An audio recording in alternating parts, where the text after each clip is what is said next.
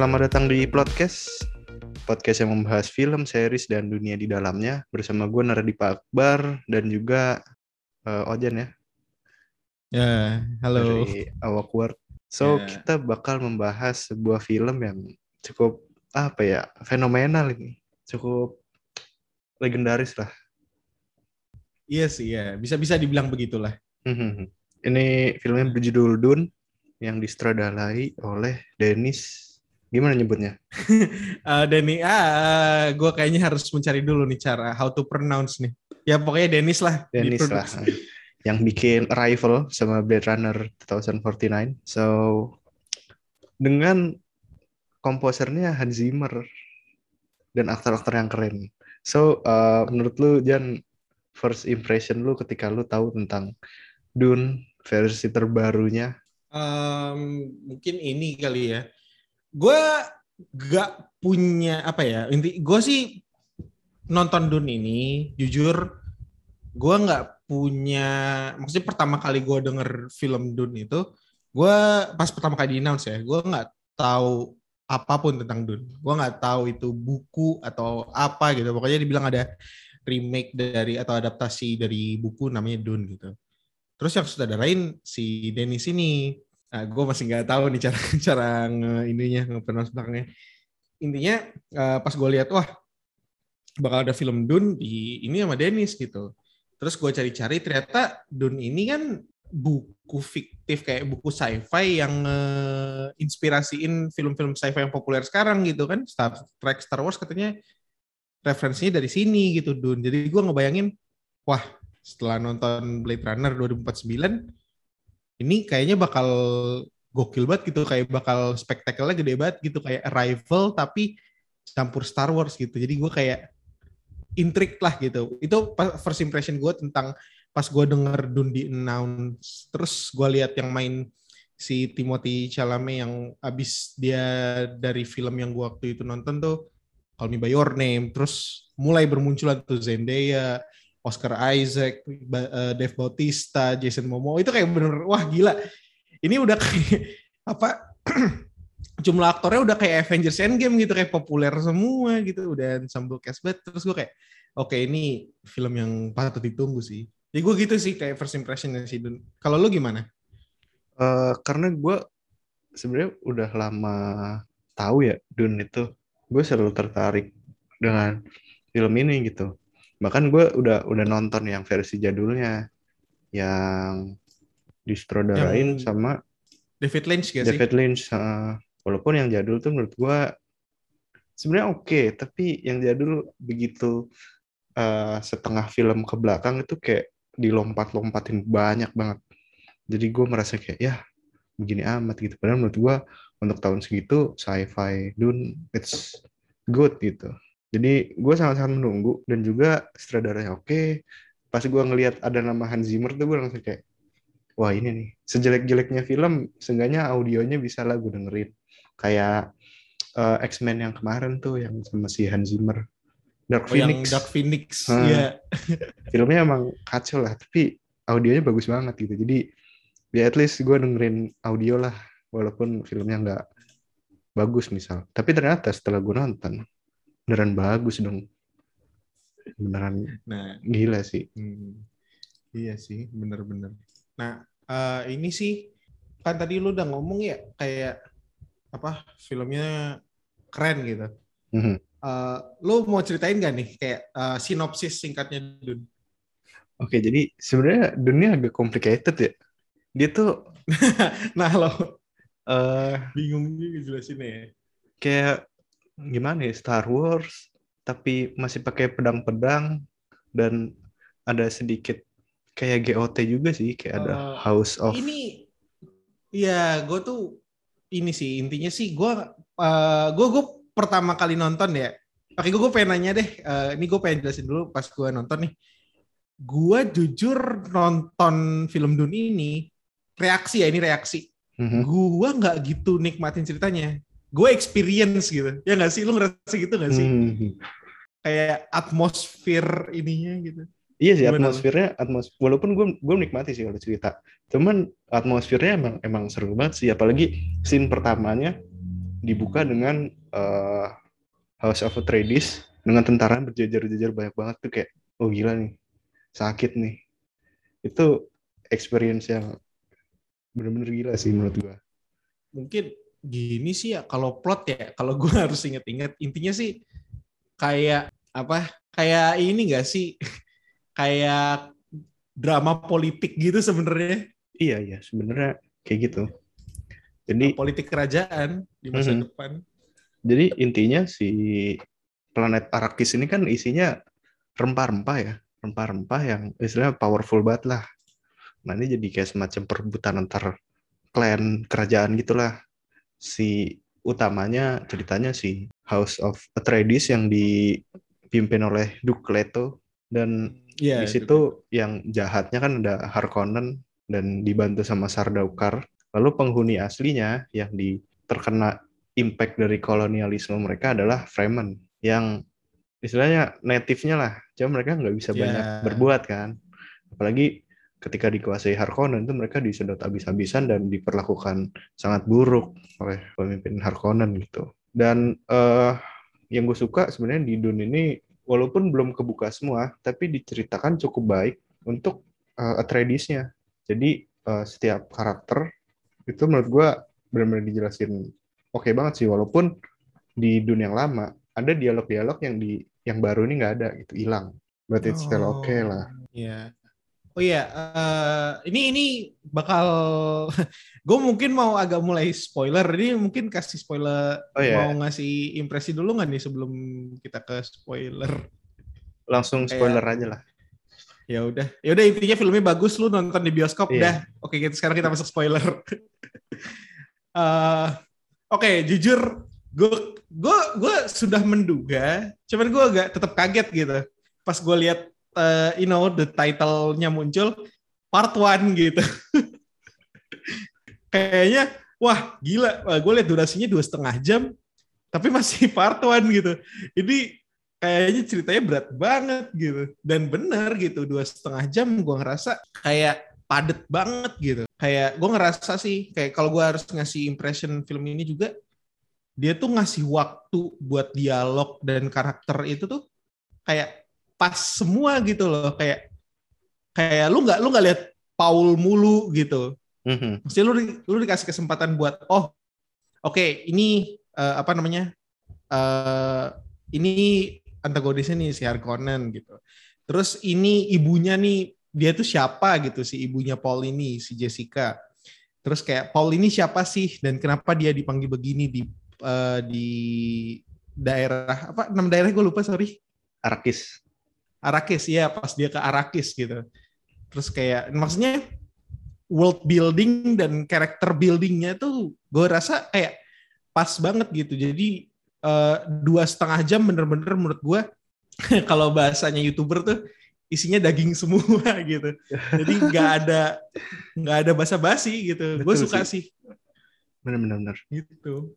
Nggak nggak ada filler yang kayak biar panjang filmnya tuh nah, gitu. iya even, filler even ini film yang slow burn tapi kerasa enak aja gitu ditonton. Nggak bikin ngantuk. Kayak lu tuh bisa merhatiin secara pelan-pelan. Menurut gua uh, kenapa dibikin slow burn ini hal yang pas? Karena memang karakternya banyak banget gitu. Dan istilahnya juga banyak sampai gue tuh pulang kelar nonton tuh gue nyatet. Gue nyatet. Dia nama-namanya ya? Iya gue nyatet kayak oh ini namanya Stilgar ini uh, hmm. pasukannya namanya Sardaukar jadi gue catet dan oh iya, iya, iya. terus gue mulai baca-baca sedikit soal Dune. So ini film yang baru part one dan ini masih bakalan panjang. Karena kalau nonton Dune yang pertama eh yang pertama yang jadul sorry. Yang jadul tuh dilompat banyak banget tapi selesai. Oh setahu gue setahu gue selesai. Jadi film itu dilompat banyak sampai ke perang besar lawan Harkonnen terus balik ke planetnya si Atreides tapi kerasa hilang gitu. Kenapa bilang banyak yang hilang? Kayak tiba-tiba Paul sama Chani udah saling suka udah jadian terus tiba-tiba lahiran ibunya oh. kayak wah kok tiba-tiba nih nggak ada nggak ada apa kayak basa-basi dikit gitu. Jadi gue kehilangan banyak sekali Uh, gue gue belum nonton sih yang apa yang sebelumnya ya yang Mhm. adaptasi sebelumnya tahun 84 cuman gue baca-baca sedikit bukunya. Uh, tentu gue nggak selesai. Karena ya gue Berat malas membaca. Ya berat. Uh, terus ya udah gitu. Apa tapi setidaknya gue dapat gambarannya kalau misalnya ini film bakal kayak gimana gitu. Dan benar gitu. Ternyata eh, untuk seorang dan kayak gini gue nonton nih bareng kakak gue yang cewek. Hmm. nah kakak gue yang cewek nih dia tuh gak terlalu demen gitu sci-fi sebenarnya. Dia tuh lebih cenderung demen yang kayak Parasite yang kayak drama-drama dikit lah gitu. Drama-drama thriller drama-drama yang agak-agak eh, ya gitulah yang buat lu penasaran gitu. Dan dia bilang gitu eh, apa Dun ini nih dia ngasih waktu yang panjang buat ngejelasin semuanya karena kan Dun ini kan film pertama gitu kan jadi kayak yang datang nonton Dun ini ini juga salah satu yang bikin gue ngerasa nikmat adalah Dun ini bukan sequel bukan prequel gitu ya nggak sih di Iya. dunia di mana film Hollywood sekarang tuh kayak No Time to Die kan sequel Shang-Chi lu harus tahu universe MCU kan kayak gitu-gitu kan Nah, Betul. Dune ini nih kayak self-contained universe. Udah lu nonton ini aja gitu. baru mulai. Kayak ini pertama. Heeh, jadi kayak lu di spoon fed gitu loh. Lu kayak disuapin, dijelasin, oh ini ceritanya gini, ini karakternya ini gini.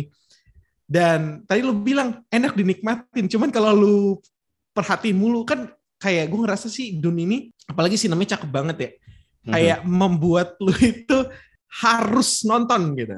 Lu ngerti gak sih kayak gue nonton film tuh di bioskop, kadang ada beberapa film yang membuat lu lihat HP nggak masalah ah gitu. Ini enggak gitu. Gue kayak ah, buka HP nggak ya? Udahlah gue nonton aja gitu. Dan capek dua setengah jam gue harus melotot, tapi gue puas gitu loh. Jadi tadi kalau lu kan lu nyatet gitu. Kalau gue sih nggak gue catet. Cuman mungkin kalau gue catet mungkin gue bisa lebih paham gitu. Dan iya jadinya kayak PR. Cuman kayak PR yang lu enjoy kerjain gitu loh.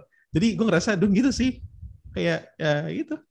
Dijelasin semua di apa dibikin paham gitu dan bikin penasaran, bikin penasaran banget. Gue ngerasa eh mbak apa walaupun panjang tapi gue craving for more gitu loh. Selesai nonton ini kayak duh ini gak ada announcement sequel kapan. Di pokoknya dari awal dah nih part one. Pokoknya lu tungguin aja. Kalau filmnya Bener, laku bener, bener. paling udah kasih part two. tapi gue yakin sih bakal bakal ada nggak mungkin enggak sih. Iya. Pasti bakal ada part two-nya. sebesar ini pasti ada sih. Soalnya sayang. Apalagi eh aktornya juga bagus-bagus. Cuman mungkin mungkin gue bahas ini kali ya. eh sedikit minus. Nanti gue juga bahas Oh. plusnya sih. Minus dari film ini. Karena gue udah nonton, eh gue udah nonton film sebelumnya. Ada beberapa hal yang menurut gue kayak, ya kok nggak ada ya. Salah satunya adalah adegan Paul masukin tangan ke dalam kotak dan dia nggak boleh gerak Ah, di film dunia lama itu tuh panjang banget, panjang dan berproses. Jadi dengan oh. Paul berdialog dengan dirinya sendiri, ayo eh, ketakutan hanya akan membunuhmu, bla bla bla bla bla bla. Banyak dialog bagus, tapi di dunia yang baru terasa cepat. Kayak ya kan, kayak cepat. Iya, terus iya. gue sampai begitu di udahan kayak lah, udahan ini, masa nggak ada kayak apanya dulu gitu. Nah, Jadi itu dia. ya Kayak gue gue juga kaget loh. Maksudnya dua setengah jam. Walaupun tadi gue bilang gue capek. Sama kayak lu. Gue masalahnya menurut gue durasinya butuh tambah deh. Kayak gue ngerasa banyak banget gitu adegan-adegan yang menurut gue bisa benefit dengan durasi lebih panjang gitu. mhm. Kayak semisal adegan si siapa? Adegan si Duncan yang Oh, ya. dia itu yang dia sacrifice himself itu menurut gua kayak lu bisa punya waktu yang lebih gitu mungkin untuk nge-build karakter dia untuk di titik itu supaya gue bisa lebih relate. Walaupun gue udah cukup relate sama si Duncan. Cuman kayak gue ngerasa kalau misalnya kita punya waktu yang lebih untuk lebih kenal dia terus kayak untuk paham situasinya mungkin gue ngerasa bisa lebih impactful gitu loh. Mhm. jadi itu sih. Sama-sama yang oke ini udah spoiler ya si ketika si Paul ngebunuh salah satu anggota Freeman untuk join join si Freeman ini lu tau kan di akhir-akhir tuh? Iya, gue ngerasa itu kayak what? Udah? Gitu. Kayak gue itu itu sesuatu yang menurut gue mungkin gitu. Nge- kayak lu pengen oke lah udah eh, kita punya banyak gitu. Kita punya dua part dan banyak banget yang kita ini. Jadi udah yang menurut kita bisa singkatin singkatin. Menurut gue udahlah might as well bikin tiga jam gitu gue maksudnya gue juga craving for more Dune gitu mungkin eh, versi Blu-ray-nya karena memang maksudnya bioskop pandemi gue rasa juga nggak terlalu proper sih pasang film dua setengah jam cuman ya gitu ya menurut gue bakal kebantu banget sih dengan durasi yang lebih panjang Mungkin tiga Yes. jam oke lah ya. ya ya mungkin Avenger aja At least- kuat kan. Heeh. mungkin at least 10-15 menit aja nggak usah lah setengah jam kan setengah jam mungkin jadi agak capek cuman menurut gue tambah 10-15 menit untuk Enough ya. tadi heeh, cukup cukup Mungkin eh, lanjut ke minusnya yang kedua. Nah ini eh, compare lagi nih sama yang dunia yang lama. Gue merasa karakter Dr. Yui itu screen time-nya dikit banget. Jadi gue nggak merasa terhianati atau gue merasa kehilangan Dr. Yui.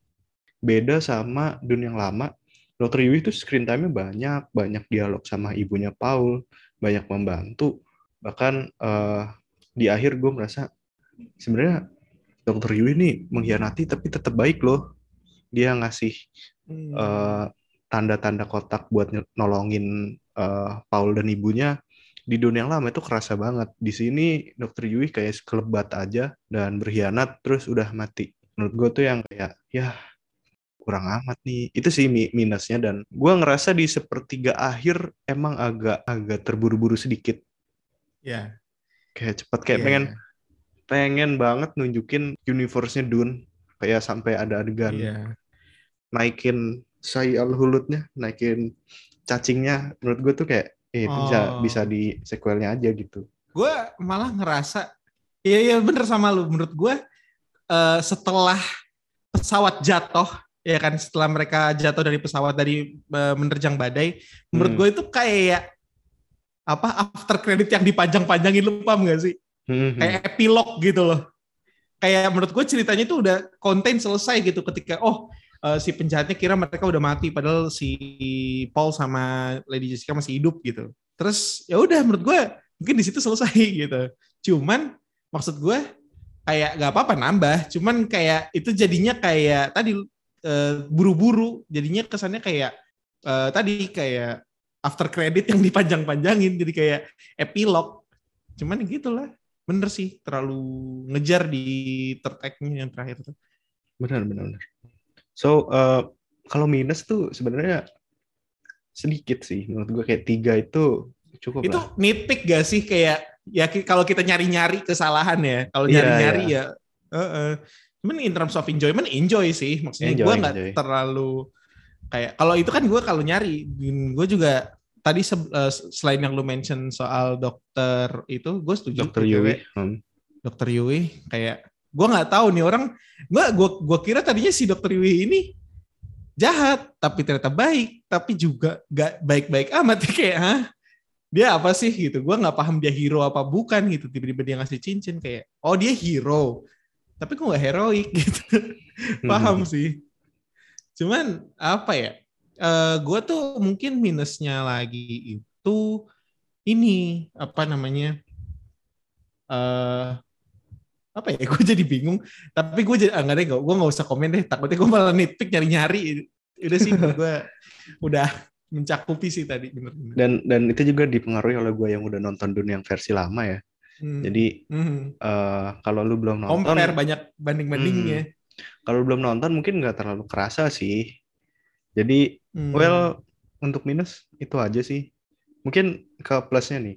Sebelum masuk ke plot-plot cerita yang oke-oke, gue bahasin dulu sih eh, karakter yang diperankan oleh aktor-aktornya. Menurut gue, semua aktor di sini tuh berperan sangat baik dan orang-orangnya tuh nggak asing semua mukanya kan dari Duke Leto-nya si Oscar Isaac. Gue gue suka banget sih dia jadi Leto tuh kayak wah gila keren banget Ah. nih orang. Dan iya sih ternyata ada si Peter De Vries-nya tuh eh, yang main di Suicide Squad kemarin jadi Polka Dot Man. iya Gua gua tuh nggak asing. Ini siapa ya mukanya ya? Oh ternyata si Polka Dot Man. Even Raban yang diperankan Dave Bautista pun juga oke loh. Walaupun Hmm. belum terlalu diliatin sebengis di dunia yang lama tapi Hmm. menurut gue tuh udah udah oke gitu Adegan si Raban nge-black pala-pala orang menurut gue udah cukup nunjukin kalau ini orang ini sih. Walaupun dia nggak nggak ada satu adegan bengis ala-ala Darth Vader di Rock One gitu. Mhm. Menurut gue kalau ada sih mungkin wow gitu. Cuman ngenunjukin dia nebas-nebas kepala gue kayak oh oke. Eh, kita lihat saja part 2 gimana. Bener bener. dan eh, mungkin gue mau ngasih ini sih apresiasi lebih buat Rebecca Ferguson jadi Lady Jessica menurut gue tuh itu salah satu performance terbaik di Dune tuh dia gitu karena aktingnya tuh bikin gue apa Iya. ya terbuai gitu ngelihatnya kayak wah gila orang keren banget aktingnya bener-bener ngerasain gimana sih tertekannya dia jadi apa ya istilah dia tuh Jadi selir kan ibu, iya jadi, jadi, ibu dan, dan, jadi selir, dan jadi Selir. iya, iya. dan ditekan juga sama gurunya kan jadi ah gila sih itu best performance di Dune menurut gua oke gila sih kalau lu ada ini gak sih menurut lu kayak karakter yang lu suka banget Gua ini sih jelas sih. Menurut gua Jason Momoa J. Duncan tuh yang paling asik banget karena ya gue emang suka banget Jason kan ya maklum fans Mhm. DC. Cuman ya gimana ya, gua ngeliat si Duncan di sini tuh bener-bener kayak apa namanya kayak prajurit yang paling asik gitu. Terus juga gua ngeliat adegan pas dia sadar apa adegan pas dia sadar markasnya di infiltrate tuh dia ngebasmi semua orang gue kayak wah gila ini bikin Dune yang tadinya bener-bener plot heavy ternyata juga action heavy gitu dan bener apa performance si Jason Momoa di sini tuh bikin gua kagum gitu dan gua ngerasa semenjak sini gua gua lebih appreciate Jason Momoa lagi gitu Mhm. di mana dia bisa acting di film yang kayak gini dan gue juga bisa ri apa gue bisa eh, simpati lah sama dia sebagai aktor dan ya tentunya sih gue harus appreciate Timothy sih Timothy Chalamet eh, yang gue tahu sih film terbesar dia saat ini selain Dune ya sebelum Dune itu ya tadi yang gue bilang eh, Call Me By Call Me Your By Name Your Name. sama Little Woman dia main gak sih Little Woman dia main Ya ya ya dia main di Little Woman. Cuman itu kan maksudnya drama yang drama gitu ya. Gua nggak pernah membayangkan dia main film kayak gini gitu. Dan mungkin biasanya kalau kita ngelihat film sci-fi terus pemeran utamanya itu aktor muda. Ini nih ngingetin gua sama film-film distopian yang tahun 2012 2013 lu inget gak sih? Yang kayak Maze Runner, oh iya iya, iya, iya. Eh, itu kan ada kan satu masa di mana oh semuanya itu aktor remaja kan Eh, Hmm. Maze Runner, Hunger Games, apalagi sih Divergent Divergent Divergent, iya gitu-gitu kan. Nah eh, biasanya tuh kalau film-film kayak gitu aktornya tuh B gitu loh. Pokoknya Hmm. asal ganteng gitu. Nah gue ngerasa Timothy tuh nggak cuma asal ganteng nih orang bisa acting gitu dan emang Betul. film apa dan dia ngebawa peran si Paul ini kayak oh eh, dia jadi kayak trouble apa dia orang yang ngerasa dia orang yang curious tapi juga ngerasa terbebani dengan ini dia gitu dengan posisi dia sekarang gitu di mana dia harus jadi raja terus dia sebenarnya anak dari selir yang punya eh, voice gitu tuh Mhm. bener-bener kayak gue ngerasa gitu sih Timothy tuh range acting range-nya tuh kayak gila gitu. Kayaknya tadi sih lu sempat mention yang tangan dimasukin mungkin itu biasanya bisa jadi adegan-adegan powerful cuman ya gue gue liat di trailer gue kira bakal wah dia teriak kayak yang bener-bener ini ternyata lah lah udah gitu. iya kan Oh, eh, BTW sebelum kita masuk ke positif lagi, gue baru inget eh, minusnya apa. Tapi ini bukan minus dari film, ini minus dari Indonesia, dari perfilman Indonesia. Mhm. Eh, lu no- lu nontonnya di mana BTW? Di bioskop apa? 21. oh atau- 21 Ah, gue juga 21. Lu inget gak film ini masuk apa? Apa eh, ratingnya apa? oh iya semua umur dong itu itu gue kayak Hah? Aku bisa nonton juga gitu anak anak lim, anak Iya, iya, 10 tahun gue kayak kenapa begini kayak bayangin anak kenapa su- anak kecil nonton Dun udah heavy plot terus ngeliatin si Raban penggal-penggalin para orang gitu kayak buset kaget gua kok bisa ya mau umur Oh, gitu Nah, ada makanya. banyak daerah juga kan sebenarnya walaupun nggak Oh, oh, oh ya. Iya, cuman cuman bah itu pisau belati se- sepanjang Iya. itunya darah semua kayak semua umur dari mana aduh iya dan juga ada nudity juga sebenarnya kan si oh yes Leto kan Isaac, telanjangin iya. dulu kan iya si Leto itu sih tapi itu bukan minus dari dunia tapi Iya. minus dari ini sensor film lah. Heeh. Aduh. Dan eh, mungkin sebelum masuk ke bagian paling asiknya, eh, satu lagi Josh Brolin jadi Gurney ini juga oke banget sih. Karena di Dune sebelumnya kan diperanin Patrick Stewart yang menurut gua Hmm. wah keren nih Gurney-nya bijak apa segala macam. Tapi di sini juga ada vibes yang berbeda di mana Gurney di sini lebih lebih powerful, lebih kayak warrior, tapi Hmm. bisa jadi pembimbing yang baik gitu. Menurut gua Iya. oke sih di sini. Performance-nya top lah.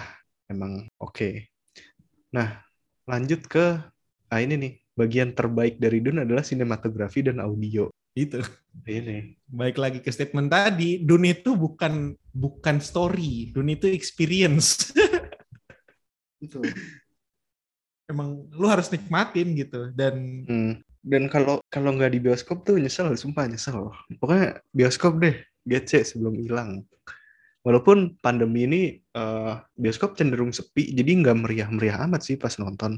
Mhm, mhm. Nggak kayak Malah dulu. gak meriahnya menurut gue nambah atmosfer gak sih?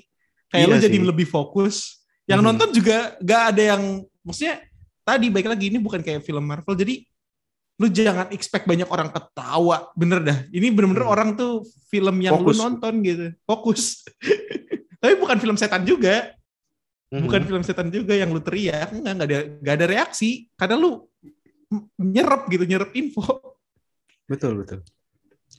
Dan eh mungkin tapi di balik di balik sinematografi yang oke banget, ada satu hal yang menurut gua agak ganggu sih sebenarnya.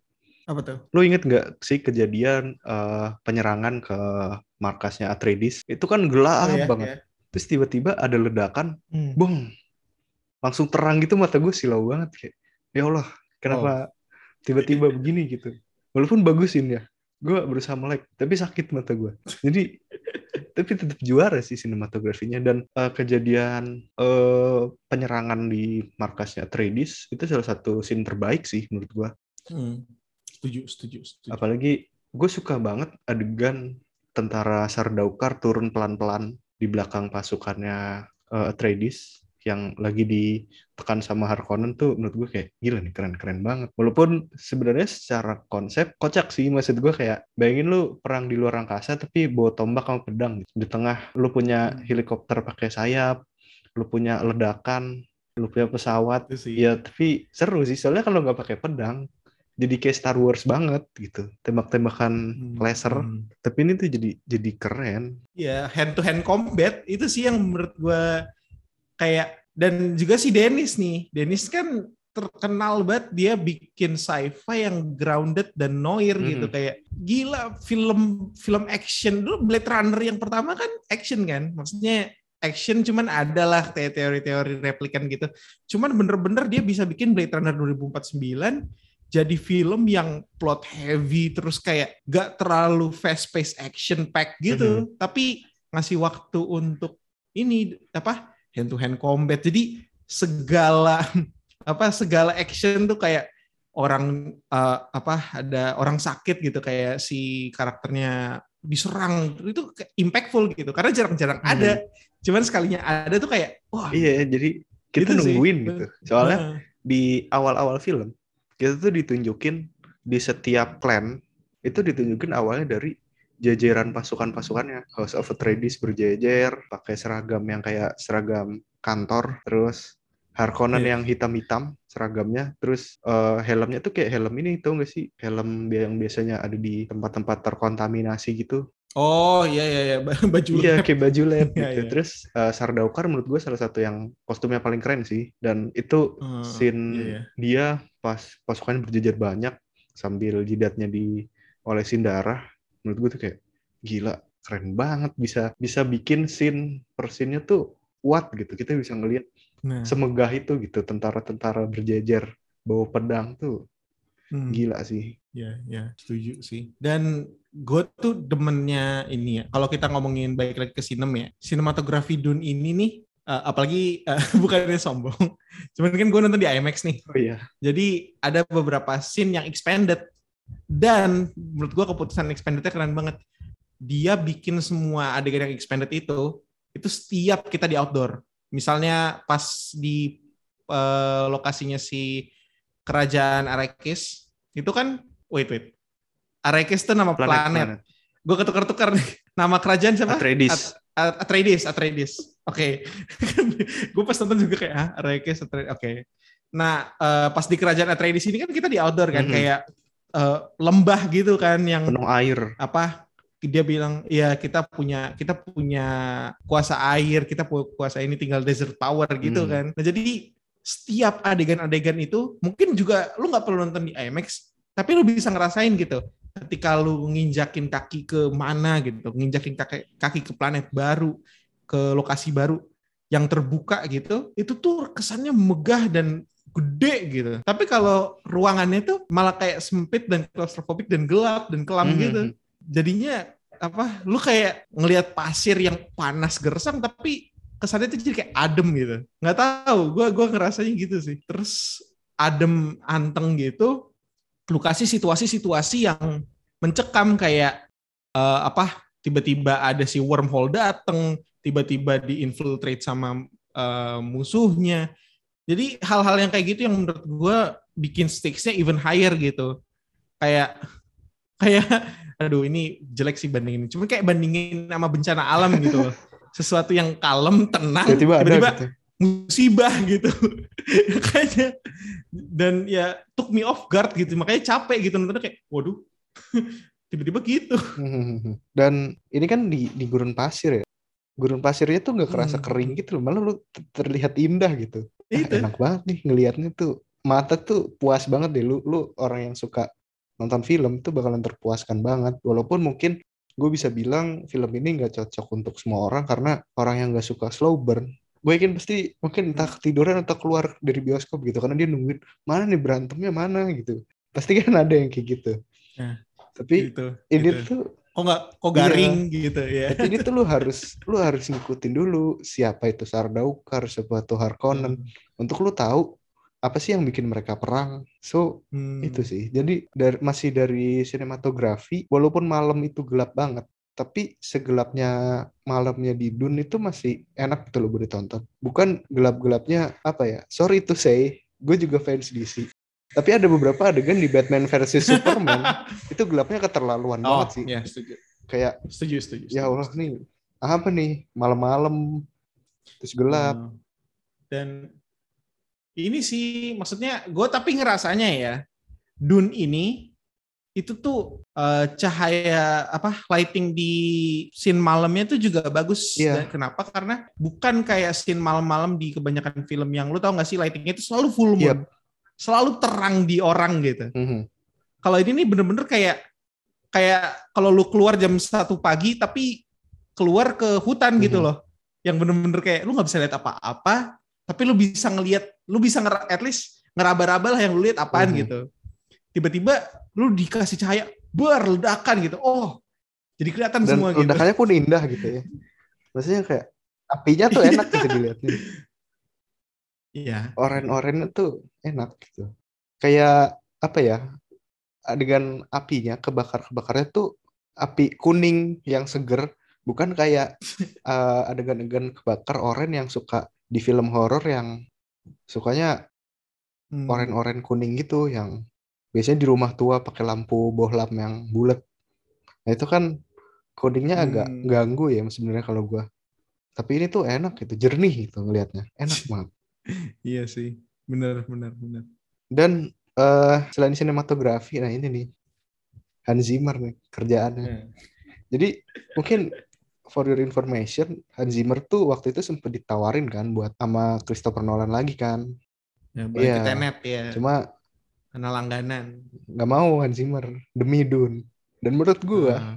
Worth it sih apa yang dilakukan sama Hans Zimmer. Karena Hmm. eh, menurut gue setelah gue tahu Tenet pun mau dikasih Hans Zimmer oke tapi Tenet tuh terlalu memusingkan lah. Jadi kadang-kadang jadi nggak nikmatin dari soundnya. Nah, nah Dune ini kan nggak nggak secomplicated itu kan. Jadi lu Hmm. bisa menikmati setiap soundnya gitu. Enak musiknya enak. Setuju, setuju, setuju. Kayak eh, menurut gue ya eh, keputusan si Hans Zimmer nih baik ke soal Tenet, keputusan Hans Zimmer untuk eh, ngerekomendasiin si Ludwig Göransson untuk di Tenet, menurut gue itu keputusan terbaik untuk kedua pihak. betul Gitu.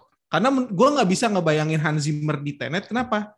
menurut gue Tenet dengan lagu teknonya yang yang full frekuensi, full bass yang brrrr, itu menurut gue cocok buat Tenet. Yep. Gue nggak bisa ngebayangin Hans Zimmer dengan uh, orkestral yang gilanya itu di Tenet gitu. Paling nanti jika Inception 2.0 gitu. Gue ngerasanya ya, nggak. Tapi Hans Zimmer di sini dia itu technically ngingetin gue sedikit sama Wonder Woman. Kayak kenapa? Soalnya uh, apa dia kan yang bikin issue with you di BTS yeah. ya, yang ikonik nenek itu, uh, eh, gue ngerasa uh, Hans Zimmer nih dia itu kalau secara musik ya dia tuh tetepin di satu nada gitu yang kayak gitu. Nadanya itu gitu semua sepanjang film. Cuman kayak lagu apa si Hans Zimmer ini nggak berdasarkan mood dari situasi Betul. itu gitu loh. Kayak dan bikin lu kayak oh kalau ini suspense gitu. Ya udah gitu. Gak ada suara gitu. Itu tuh juga salah satu yang gue impresi gak cuman si Hans Zimmernya cuman sound design in general gitu. Gimana suara pesawatnya hmm. kayak gue ngerasa kayak helikopter banget kayak bioskop getar yeah. itu itu salah satu alasan kenapa lo harus di bioskop. Wah gila. Suaranya Dan, getar banget. Ah ini nih suara shieldnya. Shield yang dipakai tentara Atreides hmm. tuh enak iya, banget yeah, yeah. satisfying satisfying parah kayak kayak kayak geter-geter gitu. kan. Dan harus ditusuk pelan-pelan kayak, oh gila nih. Keren. Dan suara pedang-pedangannya pun juga enak gitu nggak yang gimana tapi beneran kerasa uh, metal to metal gitu. Bener-bener enak deh. Dan juga mungkin satu lagi uh, suara tentara-tentaranya kalau perang atau apa itu kan pada teriak ya. Atreides Atreides gitu kayak hmm. wah gue merinding sih di situ kayak wah gila sih. Dia bisa membawa dengan baik. Sama suara sorakan-sorakan si ini ya suara sorakan-sorakan orang apa rakyat ar, ar aduh ketukar lagi nih gue ar rakyat ah, arakes arakes yang tiba-tiba bilang lisan nah, al gaib nah lisan al gaib ya itu wah. Itu keren sih. Gitu sih. Ini ini mau lu mention mention dikit gak nih? Ini kita udah ngomongin mungkin plot kita udah bahas udah, plot belum sih? Udah ya? Udah. Nah itu gue pengen nanya deh. Lu udah lu kan udah nonton Dune juga nih yang 84 jadi mungkin lu sedikit okay. lebih paham. Lu aware gak sih sama reference-reference Islam yang gua nggak tahu ini referensi Islam iya, iya, kan ya? Sepertinya sih ya. Nah, iya. Itu tapi di 84 ada gak sih? 84 ada kok. Jadi eh ini spoiler ya, nggak apa-apa. Jadi ya, apa-apa ya. Oh, untuk 84. Iya, yang 84. Jadi si kalau 84 sebenarnya lebih banyak karena dia kan sampai selesai. Hmm. Itu sampai ke hmm. si siapa? Paul itu dapat julukan Muadi. Jadi uh, banyaklah referensinya hmm. dan di sini pun juga ada reference uh, ada Mahdi, ada lisan al gaib yeah, yang dianggap sebagai istilah petunjuk lah dari luar. Menurut gue nih keren sih. Ada juga uh, Sayyidina, tapi gue lupa Sayyidina tuh yang mana gue tuh lupa. Banyak sih. Hmm. Bahkan nama cacingnya pun yeah. Iya. saya Luhulut kayak Ih, keren juga. Ah ya namanya gitu dan ya. bisa dinaikin gitu. Nah, kayak, kayak SpongeBob. Cacing besar al iya. Pakai pakai strip. strip gitu. Al aska. Um, apa?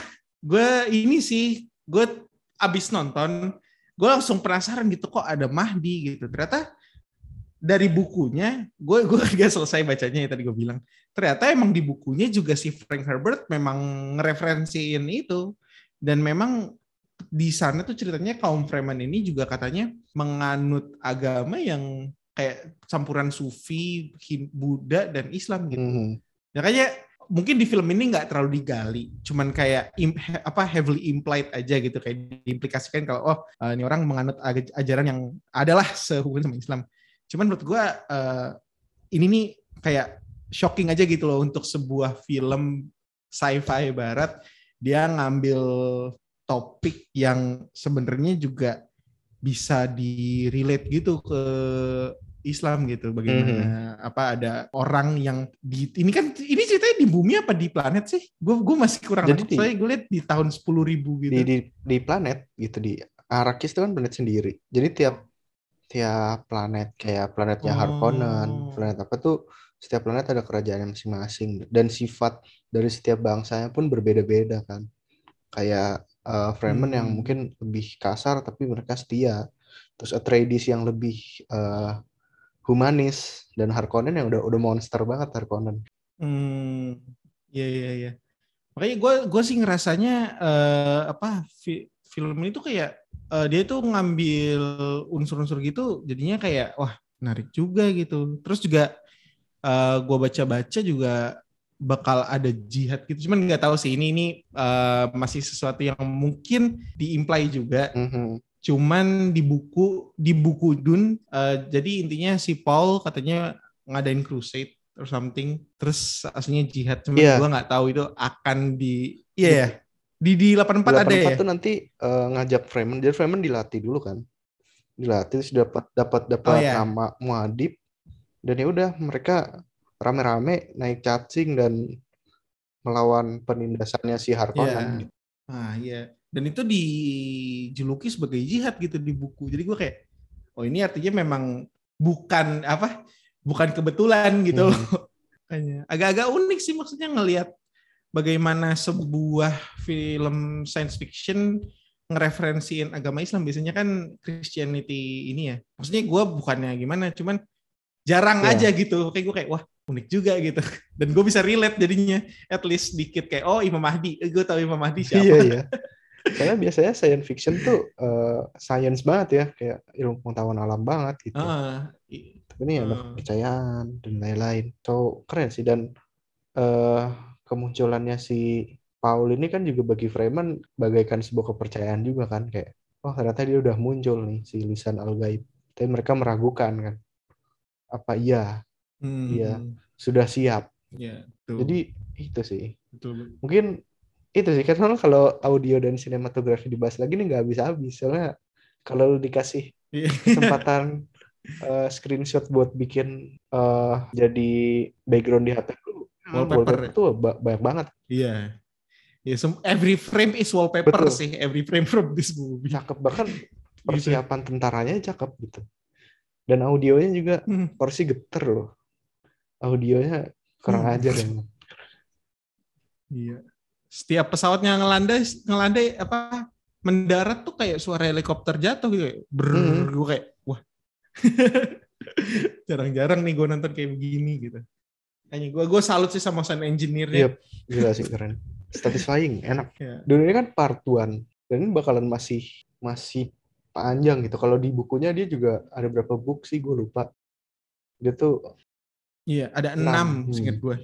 dan Gila, satu bukunya dia jadi bagi dua. iya Terus ada satu enam. buku aja nih ini belum selesai kan ini tuh Heeh. masih belum sampai eh, Paul perang besar sama si Harkonnen gitu Heeh. Harkonnen aja sebenarnya masih menurut gua masih permukaan nanti kalau lu nonton dunia yang lama Raban tuh ada satu lagi nanti partnernya Nah, oke oke oke.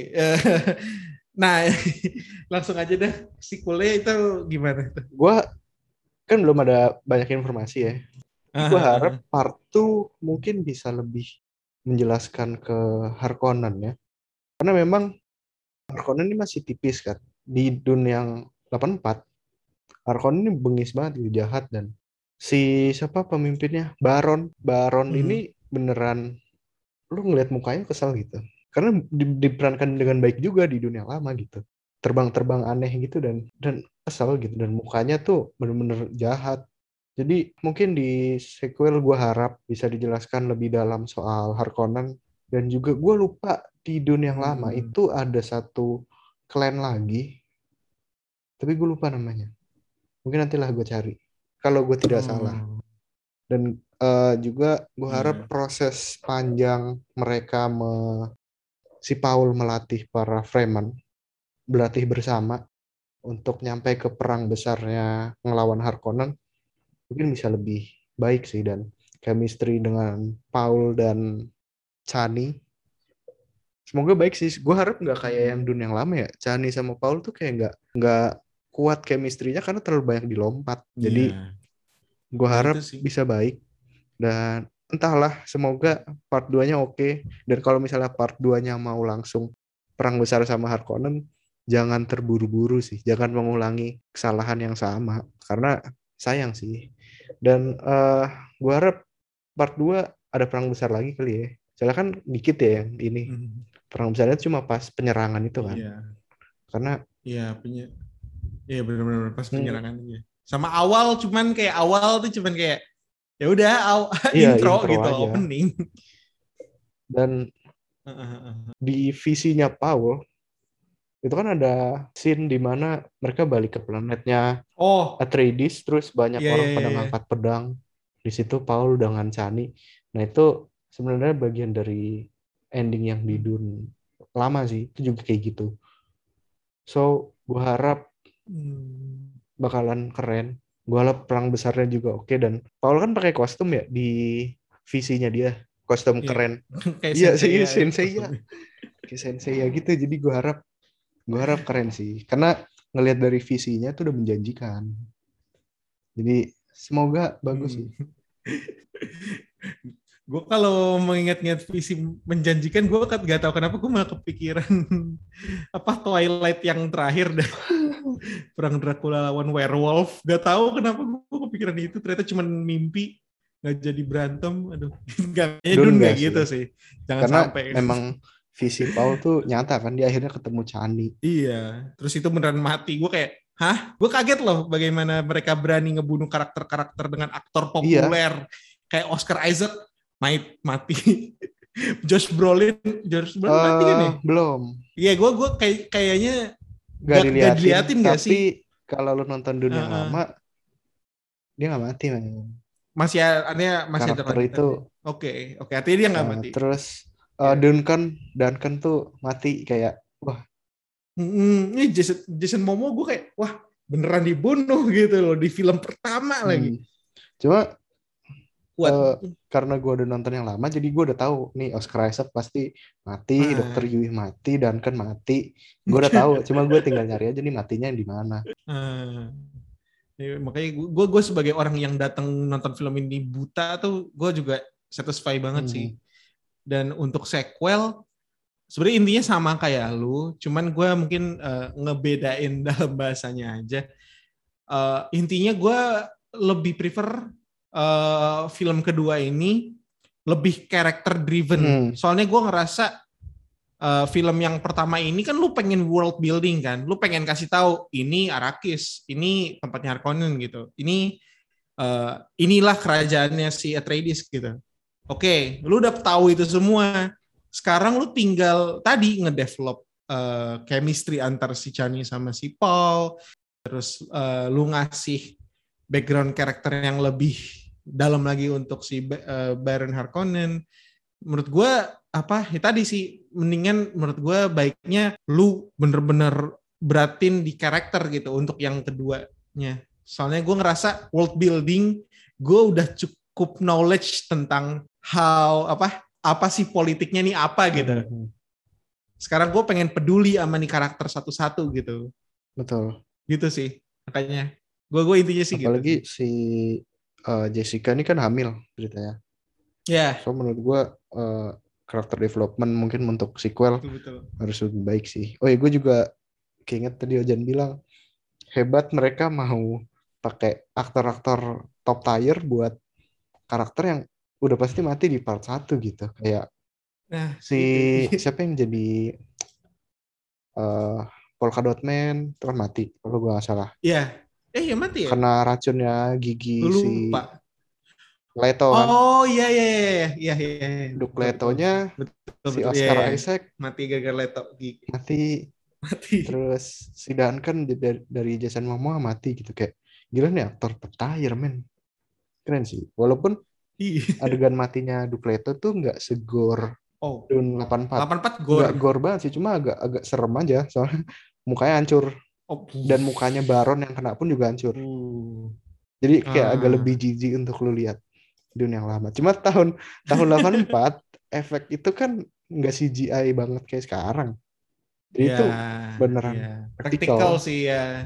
jadi ya Heeh. begitulah so eh, ini terakhir menurut lu se-worth it itu kah buat nonton Dune di bioskop atau bahkan harus nonton di bioskop yang Dolby dan mungkin IMAX kalian Eh, sebelum gue ngomong nonton di bioskopnya worth it buat nonton menurut gue worth it banget sih Mhm.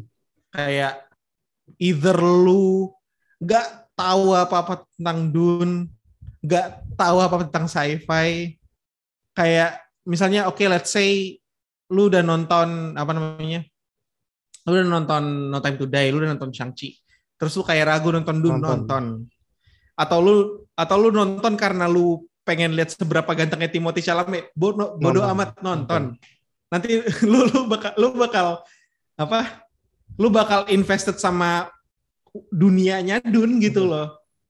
Kayak lu gak tahu apa-apa lu akan ini lu bakal nikmatin kayak kakak gue tadi gue bilang kakak gue yang gak punya background sci-fi samsek dia tuh invested gitu sama ceritanya jadi bener-bener worth it banget ditonton dan bener-bener nonton di bioskop. Tuh. Gue tahu, ini juga ngasih tahu nih, mungkin minggu depan udah ada di HBO Max. Ingat gue ya, minggu depan udah di HBO Max harusnya. Karena apa kebijakan Warner Bros. film tahun 2021 semua yang tayang di bioskop harus tayang di HBO Max. Itu yang terjadi sama TSS. Mm-hmm. Ya, yang kita tahu lah ya di episode sebelumnya kita nontonnya gimana.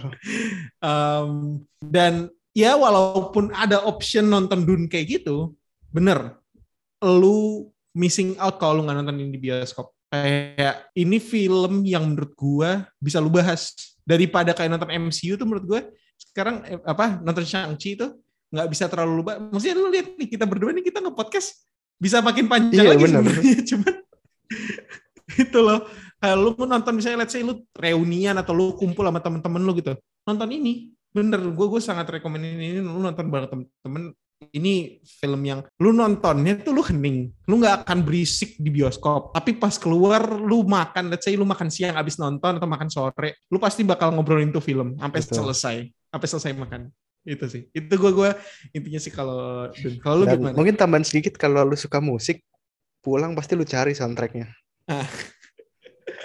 ya, Yakin. Gue gue gue juga gua, gua pulang tuh kan gue olahraga sore kayak. Wah dengerin musiknya, adun nih, enak nih jadi dan iya worth it worth it banget buat nonton di bioskop. Jangan sampai nyesel kayak kita nggak nonton Blade Runner 2049 di bioskop.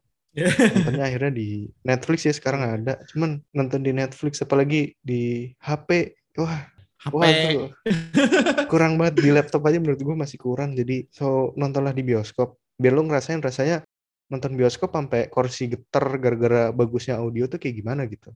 Dan juga mungkin di tengah film yang lagi Hollywood nih lagi suntuk banget ya.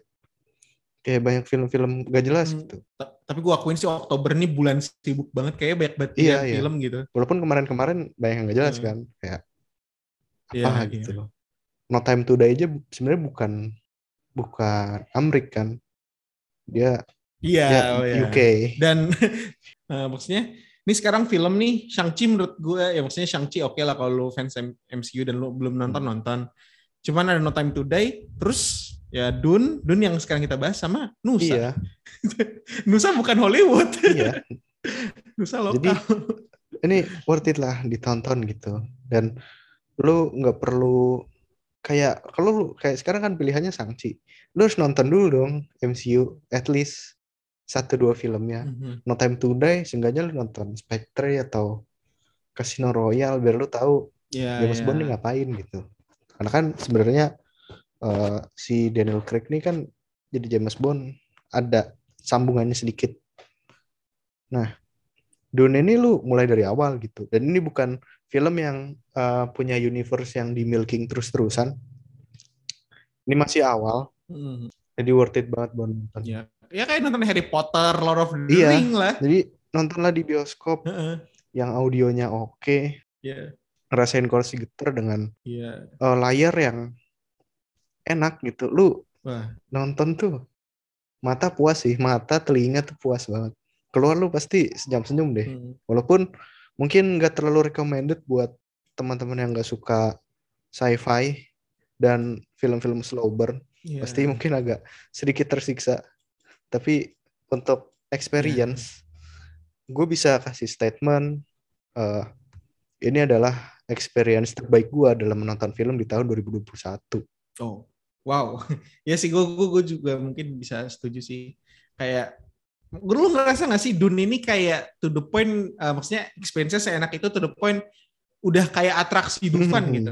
Maksudnya bener-bener film yang kayak, lu lu ngerasain kayak ini kayak lu nonton lu tau gak sih Cinema 4D yang goyang-goyang? Oh gila, apalagi nonton Duni 4DX ya. Itu fix banget Dufan itu, cuman ceritanya berat. gitu. Fil- film Dufan lama. tapi ceritanya berat gitu. Iya lama anjir. Cuman gitu ketika lu nonton itu kerasa banget imersifnya dan iya itu sih Betul. ya, worth it. Dan masih awal jadi lu nggak perlu ngikutin apa-apa. Nonton dunia lama pun sebenarnya Hmm. nggak perlu-perlu amat. Tapi kalau penasaran lu bisa nonton ada di Hmm. uh, Lion Gates Play ya kalau nggak salah. Cuma aplikasinya agak busuk. Jadi sabar-sabar nontonnya. Kalau lu Iya, penasaran lu bisa nonton juga, lu bisa lebih tahu sedikit. Dan ya kayak kalau apa yang dibilang Chani, dia bilang this is only the beginning, masih awal. Ini masih panjang. Mungkin kita nanti udah pada kerja nih baru ada sequelnya. Jadi ber- Jangan dong. Emang Evangelion. oh iya lama banget itu. Iya. Tapi gue harap gue harap mungkin 2-3 tahun udah keluar lah. Gue harap. Iya, Karena ini iya. besar dan Hans Zimmer masih megang audio semoga. Karena Hmm. karena agak kosong kalau nggak ada nggak ada Iya. audio yang bagus gitu. Dan dan sequelnya Dennis lagi Iya. lah, please lah, jangan direkturnya jangan ganti gitu, jangan kayak Star Wars berubah-berubah, kagok Jadi entar. feel-nya tuh nanti beda. Heeh. harus ini, harus di apa namanya, harus di konten sama satu orang Betul. universe ini, dia yang buat, dia yang selesain Mhm. gitu. Jadi mungkin itu aja. Wajib tonton di bioskop ya.